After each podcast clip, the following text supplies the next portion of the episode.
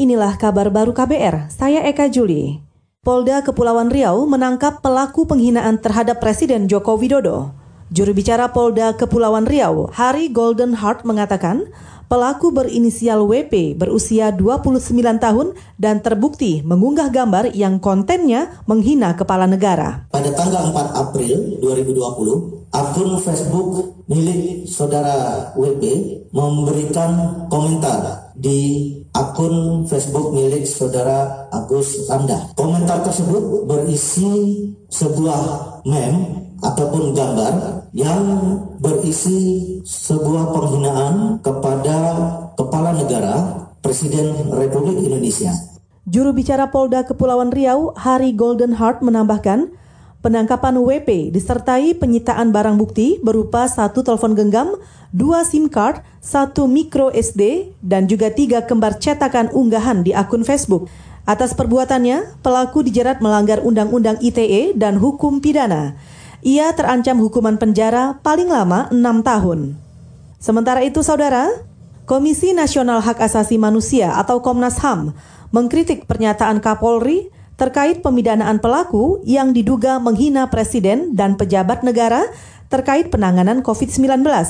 Ketua Komnas HAM Ahmad Taufan Damanik mengingatkan, seharusnya kepolisian tidak memidanakan atau menghukum pelaku penghinaan itu. Ini kan sudah sudah sudah pernah ada putusan dari Mahkamah Konstitusi dulu ya. Bahkan mantan ketua Mahkamah Konstitusi yang membuat keputusan itu dulu belakangan ini memberikan pernyataan kembali bahwa pasal mengenai penghinaan terhadap presiden itu dianggap itu tidak sesuai dengan semangat keter, keterbukaan, semangat eh, kebebasan dan juga semangat demokrasi. Saya kira polisi lebih harus lebih hati-hati lah menggunakan pasal-pasal terutama dalam undang-undang ITE yang undang-undang ITE ini sudah banyak sekali memakan korban yang menurut kami itu tidak perlu. Ketua Komnas HAM Ahmad Taufan Damanik menambahkan, ia menyampaikan penolakan terhadap telegram Kapolri tersebut. Menurutnya, pemerintah boleh dikritik karena setiap orang punya hak menyampaikan aspirasinya.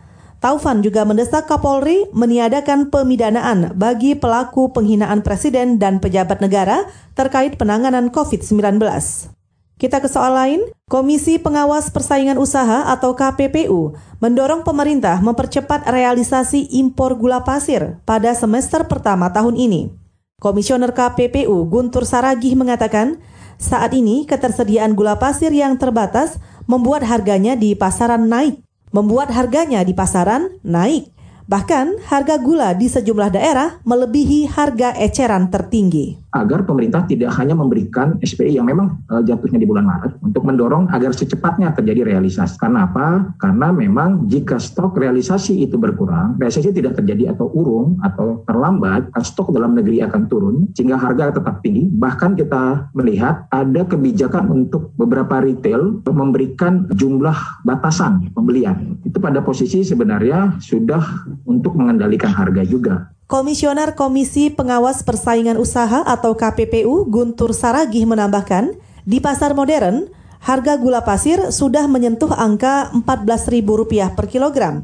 Sedangkan di pasar tradisional, harga gula mencapai Rp18.000 per kilogram. Kita ke soal jemaah umroh. Sebanyak 58 jamaah umroh asal Indonesia yang sempat tertahan kepulangannya karena kebijakan karantina wilayah yang diberlakukan pemerintah Arab Saudi, hari ini akan diberangkatkan ke tanah air. Konsul Haji Konjen RI di Jeddah, Endang Jumali menjelaskan, para jemaah akan ikut program pemulangan yang digagas Deputi Umroh Kementerian Haji dan Umroh Arab Saudi. Biaya pemulangannya ditanggung Kerajaan Arab Saudi. Endang Jumali menambahkan, saat ini masih ada empat jemaah umroh asal Indonesia yang belum bisa ikut program pemulangan karena masih dirawat di rumah sakit. Terkait kepulangan 58 jemaah umroh ini, Direktur Bina Umroh dan Haji Khusus Arfi Hatim mengklaim sudah berkoordinasi dengan Kantor Kesehatan Pelabuhan Bandara Soekarno-Hatta. Saudara, demikian kabar baru. Saya Eka Juli.